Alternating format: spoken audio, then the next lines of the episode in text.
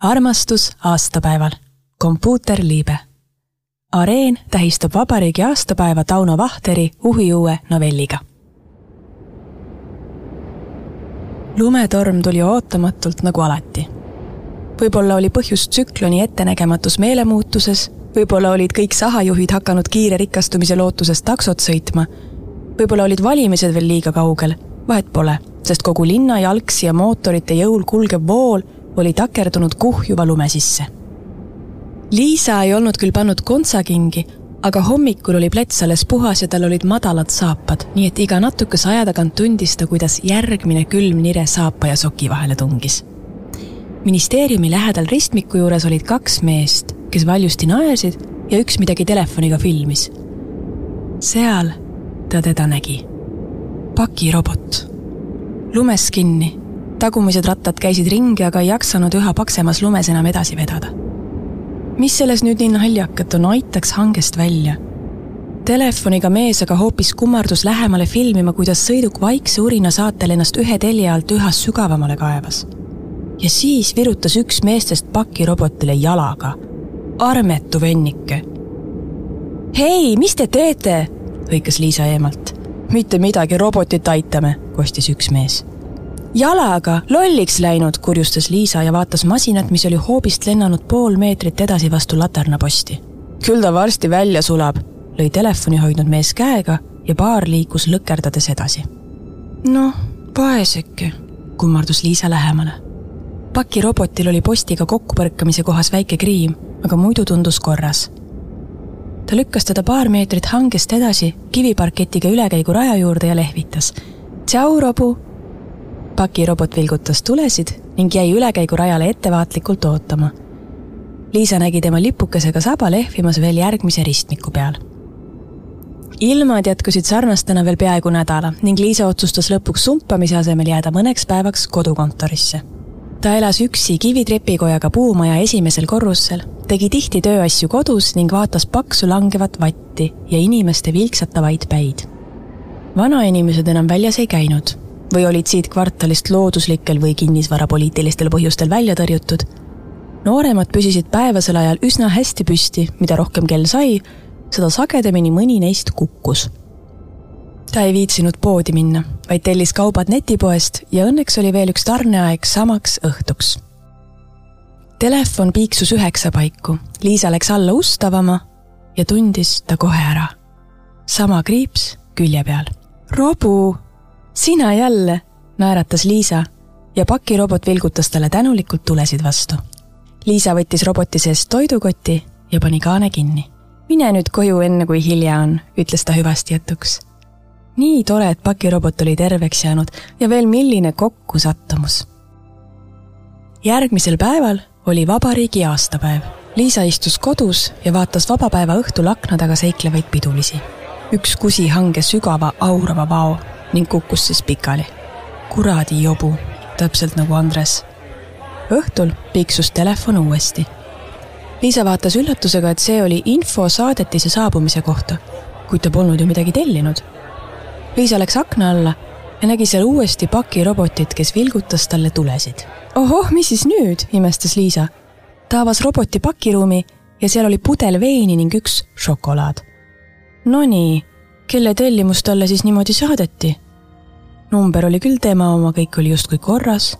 aitäh, Robu, teatas Liisa ning pakirobot trillerdas tuledega ning pühkis surinaga edasi. Liisa helistas teenindusse, et teatada vale saadetisest, kuid sealt vastati, et kõik on õige. me ei saa jagada tellija andmeid, vastas teenindaja. ohoo, kas tõesti mingi müstiline austaja? kes see küll võis olla? võib-olla osakonnast keegi? See Jaanus kippus vahel koosolekutel temaga tavapärasest pikemat silmsidet hoidma. aga miks ta siis ei võiks normaalne olla ja lihtsalt midagi öelda? aga mis mina siis nüüd tegema peaks, ma ei saa ju huupi küsima hakata, hoi Jaanus, kas sina saatsid mingit nodi? ilmselt nüüd naudib ise oma trikki, aga varem või hiljem peab ta midagi ikka ütlema.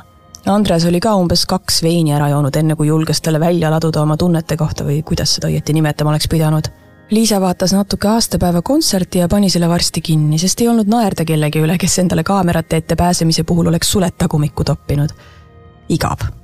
esmaspäeval läks Liisa tööle tagasi juba üksnes sellepärast, et näha, mida Jaanus koosolekul teeb. ta vaatas meest koosolekul ja üritas nagu proovikabiinis riideid vahetades aru saada, kas vaatepilt meeldib või mitte. natuke ilmetu.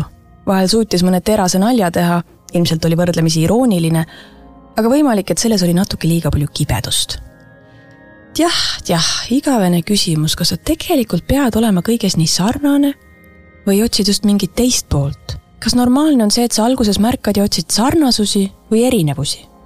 Kas sarnasuste otsimine on märk laiskusest või on vastandite otsimine märk mingist enda probleemist, nagu Andresega olles vahepeal tundus? aga miks ma peaks otsima mingit teist portsu samu probleeme, mida ma ise pole suutnud lahendada ja olgem ausad, ilmselt ei lahendagi, kui ma neid pole kolmekümne kolmandaks eluaastaks juba lahendanud. aga kui Jaanus sellise tükiga suutis hakkama saada, siis äkki temas on siiski mingeid varjatud ressursse persse, ei hakka kuus kuud ootama, kas siit tilgub midagi või mitte. pika mängu ilu on ka üks ülehinnatud asi. Liisa astus pärast koosoleku lõppu Jaanuse ette. mis sul mulle nädalavahetuse kohta öelda on? mis mõttes? küsis Jaanus silmigi pilgutamata. pokkerimängija või loll? noh, mis sa head tegid lumetormi ajal? aa, Halo täiendatud versioon tuli välja ah soo, ma ei ole näinud. see on mäng. oh jumal küll, põgene, põgene. noh, soo, väga huvitav. see mees suudaks ainult endale pitsa tellida. jaa, ma võtsin augustis nädalapuhkust, kui eelmine täisversioon välja tuli. äge. okei okay,, ma pean nüüd minema seda ettekannet tegema, tõmbas Liisa otsad kokku. aga kui see pole Jaanus siis ega osakonnas rohkem variante polegi, sest ühtegi teist meest osakonnas ei olnud. või noh, põhimõtteliselt oli seal veel Harry, aga nagu nimi ütles, siis tema oleks vabalt võinud olla mõne Einari või Helmuti vend, ehk siis oli vähemalt viiekümne või kuuekümne aastane. keegi ei saanud päris täpselt aru, mis tööd ta tegi, aga igatahes oskas ta rääkida lugusid elust nõukogude ajal. sageli tundus, et see võiski olla ainus asi, mida Harry veel tegi, sisustades ebamäärast arvu järele jäänud aastaid rahvapensionile jäämiseni kõige alandavam oleks, kui seda oleksid teinud tema üksilduse pärast muretsevad vanemad. Aga see ei olnud siiski väga usutav, sest Liisa teada polnud nad kunagi midagi neti kaudu tellinud. hea küll, jääme ootama. oodata ei tulnud kaua. järgmisel õhtul kõlas taas helin ning ukse taga oli tuttav robu. kastis paks sefiiri, mille vastuvõtmise järel masin tulesid vilgutades minema põristas järgmise nädala aja jooksul täienesid Liisa varud veel mitme kommikarbi võrra millest ühe ta tegi lahti ja ülejäänud, söödamatud Läti assortiid, jättis ta riiulisse tööle viimist ootama, sest seal hävitati kohvinurgas kõik ära. kui algul oli pakke saadetud paaripäevase vahega, siis nüüd oli saadetis laekunud juba kolm õhtut järjest, kuid ei ühtegi kaarti ega täiendavat märki, mis hakkas juba närvi ajama. kolmandal järjestikusel õhtul vaatas Liisa järjekordset maiustuse karpi, võttis selle osavõtmatult kaenla alla ja kükitas pakiroboti juurde. kahju, et sa rääkida ei oska, Robu varsti ei ole see enam huvitav, vaid lihtsalt tüütu ja siis ma enam ei taha, et sa jälle mu ukse taga oled. saad aru? pomises ta robotile.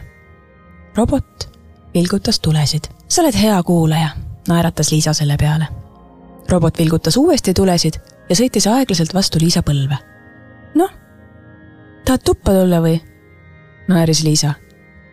robot vilgutas ägedalt tulesid ja Liisa naeris uuesti nüüd sõitis robot trepi eest maja ette laia kõnnitee peale ja manööverdas imelikult edasi-tagasi, nagu oleks tal kaardirakendus sassi läinud. lund langes endiselt, kuid selles oli selgelt näha südamekujulised rattajäljed. Liisa kahvatas, vaatas uuesti tema ette vilgutama tulnud robotit, tõmbas ukse kinni ja läks ruttu tuppa. aktuaalne kaamera oli juba jõudnud pandade plokini, kuid ta mõtted olid nii sassis, et ta ei pannud tähelegi, et mäng-mäng oli jälle tiine esmaspäeval ja teisipäeval kõlas õhtul tuttav märguanne, kuid Liisa ei teinud ust lahti ning toitus varudest. kolmapäeva hommikul oli ministeeriumis kohustuslik koosolek ja Liisa avas hommikul ettevaatlikult ukse. tänaval ei olnud kedagi. süda oli ammu mattunud uue lume alla, mida langes juba kümnendat päeva järjest. pool koosolekut läks selle peale, et Harri rääkis, kuidas ta oli tuhande üheksasaja kaheksakümne seitsmendal aastal Leningradis käinud Vana-Tallinnaga mingeid materjale välja ajamas ja selle vanamuti perse oli sama suur kui see aken siin, lõpetas Harri ettekande näitliku püändiga. kui Liisa koju jõudis, oli sõnum talle juba telefonile tulnud. Liisa jäi alistunult ukse ees seisma ja vaatas robotile otsa. too ainult vilgutas oma tulesid kurvalt aeglases tempos. kuradile, tule sisse, ütles Liisa. robot vilgutas tulesid kiiremini ja sõitis üle piida kuni esimese trepini, kust Liisa korterisse oli veel kaheksa kõrget astet. robot põristas kurvalt rattaid, Liisa ohkas ja kandis roboti tuppa. tunnike hiljem oli Liisa esimese pudeli valget veini ära joonud ja rääkis üha kiiremini, kuni ühel hetkel jäi ta vait. Robu, sa oled hea kuulaja, ütles Liisa. Nad vaatasid tabeliga uudist, kuidas maailmas oli täitunud viis miljonit koroonasurma ning pikemat lugu, kuidas Peng Peng mängis jalgpalli. õhtul hakkas robul midagi põrisema ja ta sõitis välisukse juurde. aa, sa pead tööle minema, nentis Liisa ja aitas robu trepist alla, kus ta õrnalt Liisa jalgu müksas ja siis nurga taha kadus nüüd saabus robu igal õhtul. vahel oli tal kaasas pudel veini, vahel käsitöö võileib. Liisa rääkis, robu kuulas. Nad vaatasid koos Aktuaalsest kaamerast, kuidas Peng-Peng mängis väikese Ming-Mingiga ning robu sõitis Liisale külje alla ja põristas oma mootorit ja neil sai hea. igal õhtul aitas Liisa robu trepist alla ning too kadus kuskile järgmise õhtuni, kuni Liisale tuli mõte ja ta ostis sobiva laadija, nii et mõnikord jäi robu tema juurde ka ööseks trepile pani ta kaks pikka lauda ja kleepis sellele liivapaberi, et robu saaks ise astmetest üles sõita. Liisa hakkas mõtlema, kas äkki kannataks kuskile mujale kolida, kus mõlemal piisavalt lähedal tööle käia. võib-olla paarismaja Peetris, Nõmmel, ühetasandiline, muidugi elektrikütteta see oli millalgi märtsis, kui Liisa tuli rakkerühma koosolekult, kus Harri oli rääkinud põhjalikumalt erinevate piima- ja leivatoodete ning karastusjookide hindadest tuhande üheksasaja seitsmekümnendatel kuni kaheksakümnendatel aastatel. kui ta oli jookidega lõpetanud, hakkas ta igasuguse põhjuseta üles lugema taarapunktis erimahuga klaastaara tagastamistasusid ja väikese hapukoore purgi eest kümme kopikat, aga nende puhul oli huvitav asi see, et kastid ei olnud plastmassist, vaid vaatras Harry komatoossele publikule, kes oli kaotanud igasuguse mälestuse, millisel formaalsel põhjusel nad tegelikult olid sinna kogunenud. Liisa kuulis juba trepikotte jõudes, et tema korteris telekas mängis, aga see ei üllatanud teda. Robul oli kombeks puldist üle sõites telekas mängima panna ja seal võis peenmotoorikaga natuke probleeme olla. kui Liisa oma korteri ukse avas, nägi ta diivani ees viite pakirobotit, kes kõik vaatasid telekast monsterautode rallit millega käis kaasa pidev vilgutamine, tuututamine ja rataste müristamine. kes need kõik on? küsis Liisa imestunult. robu vilgutas kiirelt tulesid ja sõitis üle puldi väljalülitamisnupu. tema kloonid hakkasid vaikselt ukse poole põristama. Liisa oli toimunust häiritud. kui natukese aja pärast sõitis robu tema ette, tegi paar piruetti, hõõrus end tema jalgade vastu ja kaissu põristama, nii et Liisa leppis Nad vaatasid uudistest, kuidas Põhja-Korea katsetatud rakett oli ilmselt kogemata tabanud üht Souli eeslinna ja tapnud sada kaheksakümmend inimest. mäng mängile oli pakutud eri riikide nimedega bambusevõrseid, et ennustada, kes võidab Eurovisiooni. ilm pööras sulale. ega su elus kedagi uut ei ole, kellest sa tahaksid rääkida? küsis ema helistades. ei ole, ema, ei ole, vastas Liisa napilt. ma mõtlesin, et äkki on, sa pole Andresest saati sellise häälega olnud, pinnis ema edasi. jah, ei ole, jäi Liisa kindlaks. kas sa seda Tinderit ei kasuta? ema, ma võiks sulle külla tulla mõni päev, teeme süüa ja lobiseme. ma tulen ise. kas sa ei taha, et me sinna tuleme? nõudis ema kriminaaluurija vilumusega. ma pole lihtsalt ammu kodus käinud, vajutas Liisa õigele nupule. No tule siis, alistus ema kui Liisa laupäeva õhtul tagasi tuli, nägi ta akendest vilkuvatest tuledest kohe, et midagi oli valesti. välisuks oli lahti jäetud ning sopased rattajäljed lõppesid tema ukse taga. koduust avades ei suutnud ta toas ringi tiirutavaid masinaid kohe kokku lugeda. telekast tuli vormeli kvalifikatsioon ning kui Liisa hääle valla lasi, jooksis kõigepealt tema magamistoast välja tundmatu kaltsakas naine ning selle järel valju urina ja ägeda vilkumise saatel veel üks pakirobot Liisa ladus robule välja kõik, millega ta rahul ei olnud nii hügieenilisest kodu puutumatuse kui isikliku arengu aspektist. õhtul pani Liisa robu laadjasse, keeras ta karistuseks külje peale ja läks uudiseid vaatamata magama. järgmisel hommikul oli robu kadunud ja ei olnud tagasi ka õhtul. Liisa kehitas õlgu ja vaatas üksi uudiseid. jobu, täpselt nagu Andres. mäng-mäng oli jõudnud Euroopa Liidu sisese tariifiga lihtkirja postmargile. Robu naasis teise päeva õhtul kolme roosi ja ühe paki küüslauguleibadega, mis oli kas möödalaskmine või siis jäänud kogemata mõnest varasemast tellimusest. ta käitus alandlikult, ootas kaks päeva, kuni Liisa rääkima hakkas ja siis kuulas teda vahele segamata kolm päeva. nädal hiljem, ühel õhtul Robu ei tulnud ta andis end näole alles kahe päeva pärast ühe natuke logiseva ratta ning mingi veidra läbitungiva lõhnaga, mida kannavad mõned vanamutid Draamateatri garderoobis ja väikesed järelevalveta jäetud tüdrukud. Liisa vaatas saabujat kaua, kuid tavapärase paaripäevase vaikimise asemel tõusis tunnikese pärast püsti, tõi märja lapi ning ristpea kruvikeeraja ning putitas robu salongikõlblikuks. Nad vaatasid koos uudiseid robu põristas alandlikult Liisas üles ning mäng mängile oli toodud klaasi taha telekas, kus ta sai vaadata, kuidas ta iseennast telekast vaatas. robu, ma saan aru, et sa tahad vahel ennast tuulutada, ütles Liisa ning sügas pakirobotit antenni alt. robot plingitas süüdlaslikult tulesid. homme lähme koos välja, teatas Liisa. robu põristas rahulolevalt. järgmisel õhtul tõstis Liisa robu auto tagaistmele ning too põristas küsivalt. Lähme linnast välja, sulle kulub ka selle kõige peale värske õhk ära, seletas Liisa, vahetades kingad matkasaabaste vastu.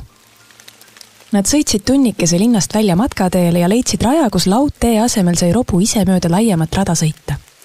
kevad oli alles algamas ja ilm märjavõitu, rahvast oli vähe, kuid Liisat see ei häirinud. ta rääkis robule, kuidas talle meeldib looduses jalutada. eriti just rabas tuleb tema sisse alati sügav rahu Nad jäid seisma ühe istumiskoha lähedal.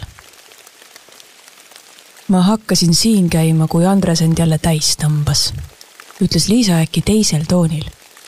robu piksutas küsivalt. oh, vaata sinna laukad, ütles Liisa. robot sõitis äärele vaikselt lähemale ning Liisa andis talle parema jala siseküljega muljetavaldavalt kõva löögi. nii et robot lendas üle meetri kaugusele vette hakkas kiirelt vajuma ning kadus lõpuks tulesid vilgutades pinnalt. Täpselt nagu Andres